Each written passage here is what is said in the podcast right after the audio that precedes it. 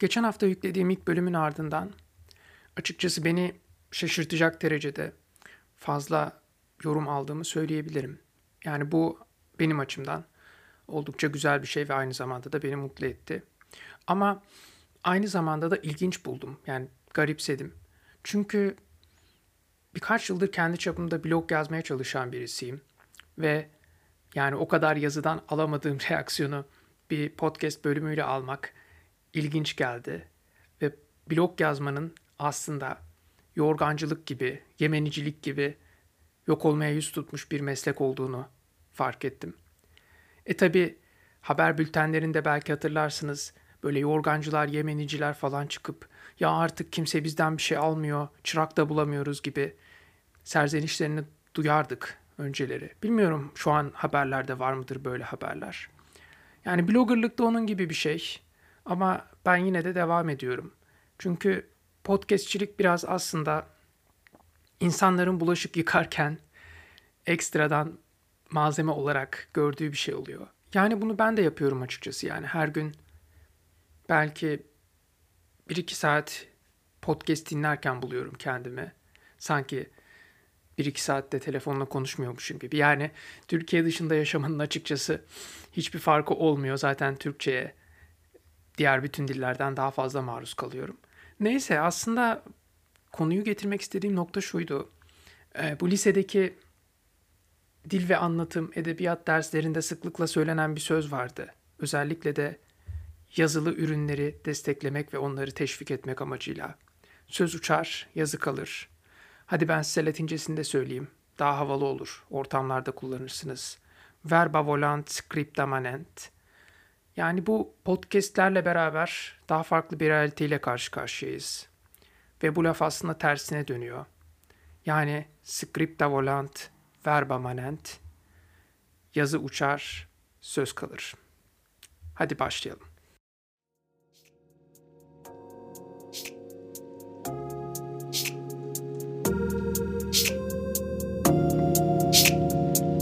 Sen çok iyi birisin. Bölüm gezelim gömelim.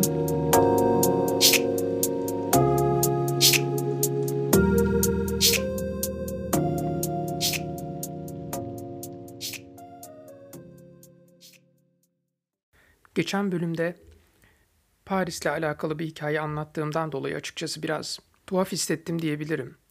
Çünkü biliyorsunuz yani YouTube'da ve diğer platformlarda yurt dışı ile alakalı içerik yapan bir sürü Türk var. Yani öyle bir yoğunluk var ki bu konuda sanki dış hatlardan çıktığınızda ve gideceğiniz ülkeye vardığınızda pasaport kontrolünün ardından YouTube'dan bir temsilci sizi bulup yaşadığın ülkeyle alakalı içerik yapmalısın yoksa seni kaçırırız gibi bir tehditte bulunuyormuş gibi hissediyorum. Yani ben geldiğimde öyle bir şey görmedim açıkçası. Ama yine de yani en azından çevremdeki insanlar ya da beni az tanıyan insanlardan sürekli bir yaşadığım ülkeyle alakalı ya da diğer ülkelerle alakalı içerik yapmam bekleniyor.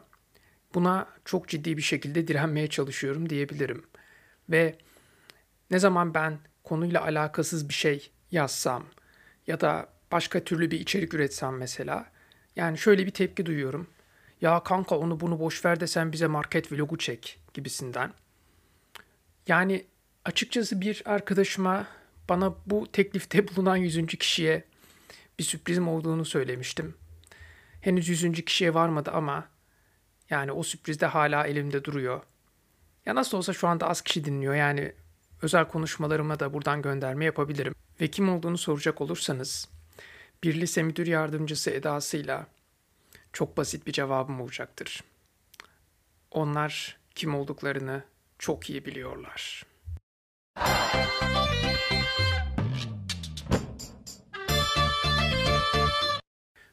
Yurt dışı vloggerları ve YouTube gezginleri hakkında açıkça elimde çok fazla done olduğunu söyleyebilirim. Yani özellikle takip etmesem de bunlara çok fazla maruz kalıyorum.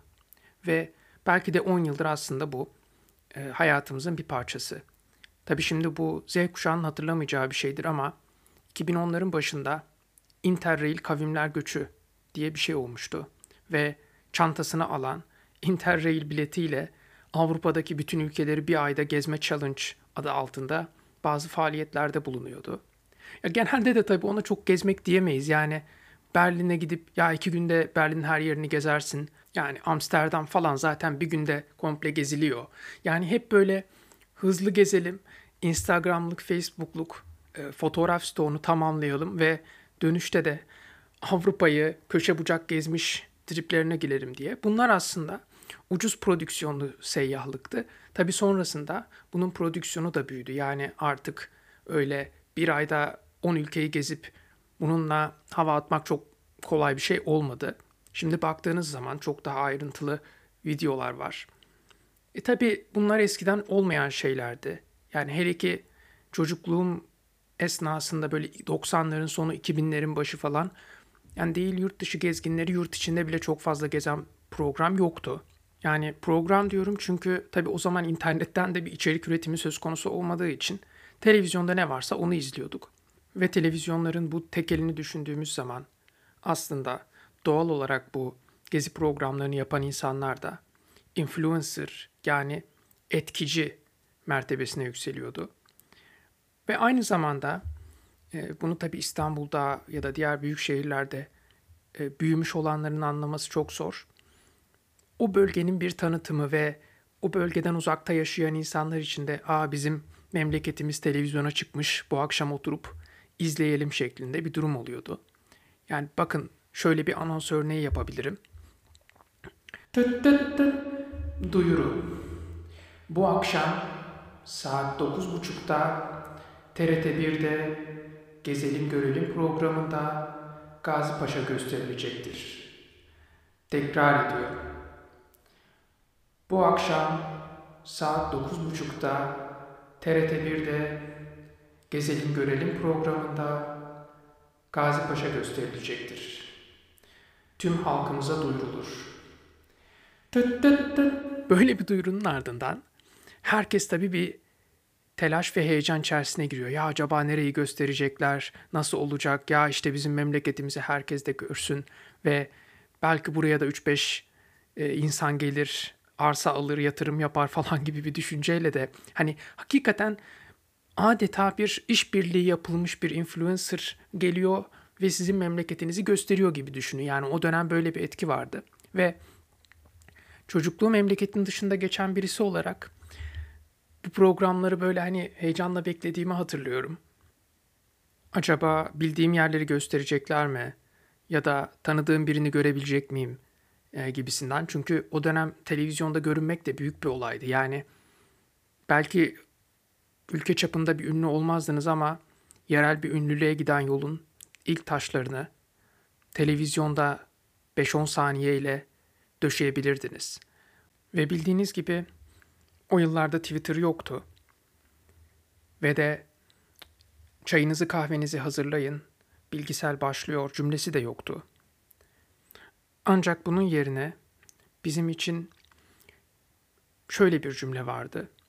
Çayınızı kahvenizi hazırlayın, gezelim görelim başlıyor.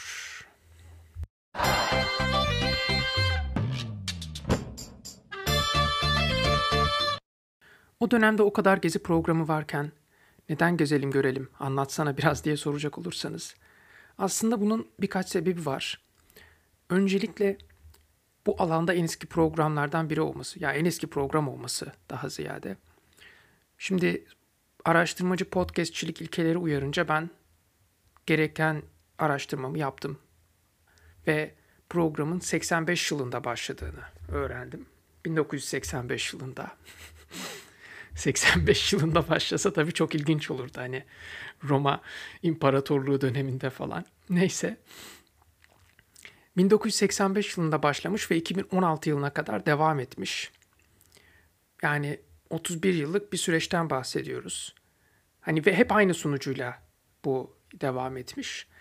Yani bizimkiler dizisi gibi düşünün bunu. Hani dizinin başında e, küçük çocuk dizinin sonunda bayağı koca adam oluyor. E, burada da onun gibi yani gezelim görelim sunan gezelim görelim teyze muhtemelen programı başladığında TRT'ye yeni girmiş biriyken program bittiğinde muhtemelen emeklilik dilekçesini hazırlayıp kuruma teslim etmiştir diye tahmin ediyorum. Ya bu tamamen benim tahminim. Ama sanki genelde TRT yapımlarında böyle bir hava vardı. Mesela bizim evin halleri vardı ve 10 yıl falan sürmüştü. Hafta içi her gün 5 bölümden yani 1500 bölüm falan vardır herhalde. Yani acaba şey mi diyorlar yani bizim oğlan da TRT dizisine girdi. Oradan da emekli olur herhalde. Ya bu programda da öyle bir izlenim vardı çünkü 31 yıl boyunca ya ülkeyi baştan aşağı geçseniz birkaç yılda biter ve aynı yerlere 4-5 kere gitmek durumunda kalırsınız. En azından benim memleketim için öyle bir durum olmuştu. Yani 4-5 kere gelmişti gezelim görelim teyze. Ve her seferinde de hani orijinal bir şey bulacak ve aynı zamanda da izleyiciyi sıkmayacak içerikler arıyordu.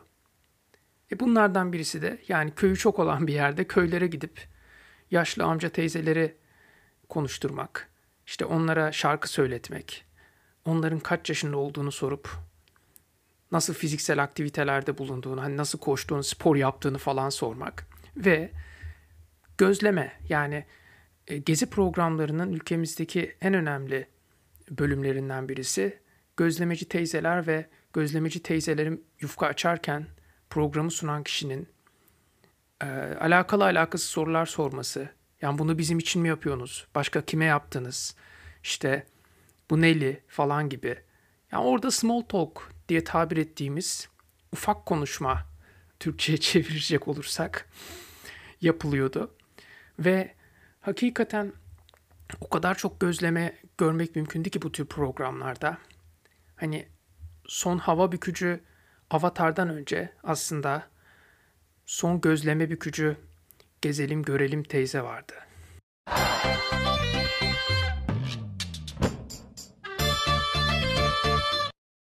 Ve tabii aynı zamanda bu gezi programlarının o dönemde kafamıza ektiği ve günümüzde artık büyük orman olan bazı cümleler de var. Bunlardan en bilineni hani şunu burada yiyeceksin. İşte burası hariç her yerde çok kötü yapılıyor. Bunun hası buradadır. İşte bunun gibi e, yerel lezzetleri aşırı abartma ve bu aşırı abartma ve övgünün sonucunda da orada ikram edilen yemeği büyük bir iştahla gömme. Yani tabii bu gezelim görelim de o kadar değildi çünkü bir devlet terbiyesi vardı. Hani o kadar abartılı bir yeme seansı yoktu. Ama sonrasındaki programlar, özel televizyonlarda yayınlanmaya başladıkça orada işin daha foodie kısmı yani yiyecek düşkünü kısmı ağırlık basmaya başladı ve adeta Pac-Man gibi Anadolu'nun muhtelif yerlerini yiyen insanlar e, zuhur etti diyebilirim. E bu da ilginç bir şeydi. Yani sonrasında bunun da Adana'da sokak lezzetleri anlatan ve bunun en iyisi buradadır falan diye böyle içeride her türlü antibiyotik ve antiviral ilaçların dahi etki edemeyeceği, organizmaların bulunduğu e, lokantavari mekanların popüler olmasına da belki de bu gezi programları zemin hazırlamıştır diye düşünüyorum.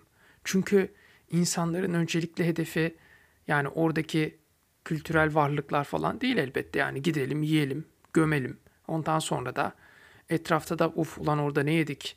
Bunun hasını da burada yiyeceksin. Bizim burada yediğimiz ne lastik falan gibi.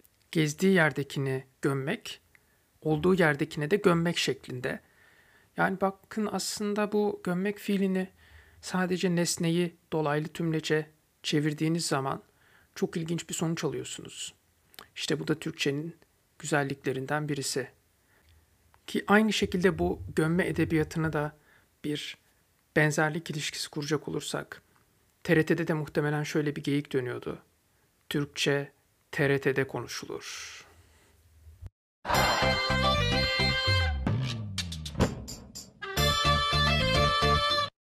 2000'li yılların ilk yarısında TRT'de yayınlanan maçlarda ısrarlı bir şekilde maç TRT'de izlenir sloganı vurgulanmaya çalışılıyordu. Ya tabi o zamanlar lig maçları Lig TV'de yayınlandığı için TRT'nin eline sadece Türkiye Kupası, işte o dönemki UEFA Kupası ya da Türk Spor Yazarları Derneği Kupası gibi yani artık çıtanın iyice düştüğü turnuvalar kalıyordu. Ve Türk Spor Yazarları Derneği Kupası'nda da mutlaka tribünde birisi büyük bir kartona maç TRT'de izlenir yazısını yazmış ve onu kaldırarak tutuyordu. Ve TRT'nin o dönemki rejisi bu tarz yazıları tespit ederek özellikle izleyen insanlara gösteriyorlardı ki yani biz maddi sebeplerle yayıncı kuruluşa ligi kaptırmış olabiliriz ama en azından elimizde Türk Spor Yazarları Derneği kupası var gibi bir mesaj vermiş oluyorlardı diye düşünüyorum. Ama bu durum sadece maçlara has bir durum da değildi. Yani başka programlarda da X TRT'de izlenir formülü kullanılarak TRT'nin bu konudaki kalitesi ve öncü pozisyonu vurgulanıyordu. Mesela benim hatırladığım ilginç örneklerden birisi sayısal gece programı. Yani cumartesi akşamları çekilen sayısal lotonun çekilmesini kutlamak amacıyla yapılan bir programdı. Ve ünlüler çıkıp orada şarkı söylerlerdi. Ellerinde oynanmış kuponları sallarlardı derlerdi ki ya bakmayın benim bu kadar ünlü ve maddi konudan sıkıntı yaşamıyor olduğuma. Ben de bu oyunu oynuyorum.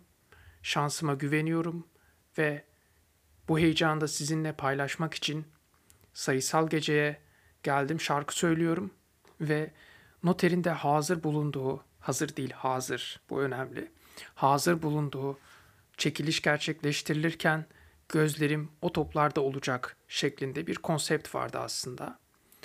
E tabi bu sadece Ankara ile sınırlı kalmıyordu. Sanki Ankara'da çekiliyor diye düşünüyorum ama belki de İstanbul'da çekiliyordur. Bundan da emin değilim. Bu kısmı araştırmadım. Yani yarın bir gün bana ya yanlış söylemişsin demeyin. Bazen de yazları farklı destinasyonlarda sayısal gece ekibi diyar diyar gezerek insanları eğlendirmek ve sayısal lotonun faziletlerini anlatmak amacıyla ıı, dolaşıyorlardı. Ve bir keresinde Altınoluk'a gelmişlerdi ve o zaman orada yaşıyorduk. Ve biz de bedava ve ekstra bir event düsturuyla oraya gittik. Nitekim halk da öyle yapmıştı yani. Biz de halkın bir parçası olarak gittik. Ve çok kalabalıktı. Ve saatler öncesinden insanlar kapıda dizilip bizi içeri alın, biz de sayısal gecenin coşkusuna katılmak istiyoruz gibi bir yani heyecan ve öfori halindeydiler. Neyse biz bir şekilde içeri girdik. Kalabalık amfiteyatrodaki yerlerini almış bekliyordu ve programın başlamasına yaklaşık bir saat kadar vardı. Ve o süre boyunca orada bulunan insanları eylemek için oradaki orkestra çeşitli atraksiyonlara girdi. O da yetmedi. Yayından önce TRT'de yayınlanan Türk Spor Yazarları Derneği kupasının finali Gençler Birliği Konya Spor maçını izlettiler bize. Orkestradakiler Gençler Birliği'ne o kadar çok destek gösteriyordu ki sanırım İlhan Cavcav o kadar Gençler Birliği'ni tutmamıştır. Böyle Gençler Birliği penaltı atınca falan bateriler çalıyordu. Yani bizim için hiçbir şey ifade etmeyen bir durumda açıkçası Gençler Birliği. Hani e, gerçi o dönemin Gençler Birliği kadrosunu da sayabilirim ama saymayacağım. Gerek yok çünkü. Ve bu ortam içerisinde yayın başladı. O gün konuk Coşkun Sabah'tı ve o modernize edilmiş uduyla ilginç şarkılar söylüyordu. Bir tanesini hiç unutamıyorum. Okyanus bu, iki şehrin arası şeklinde. Daha doğrusu bunun da nakaratını yanlış ezberlediğimi yakın zamanda fark ettim.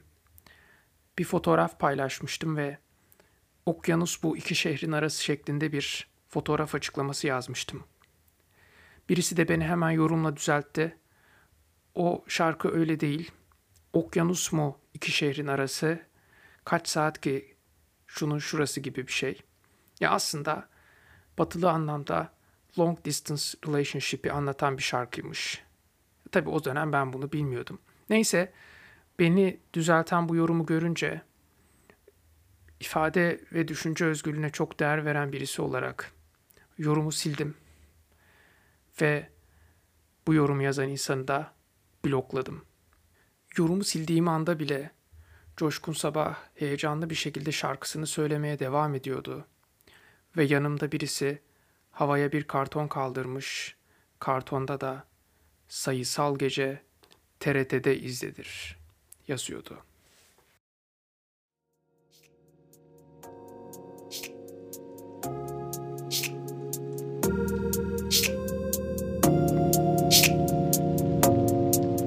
Sen çok iyi birisin. İkinci bölüm sona erdi.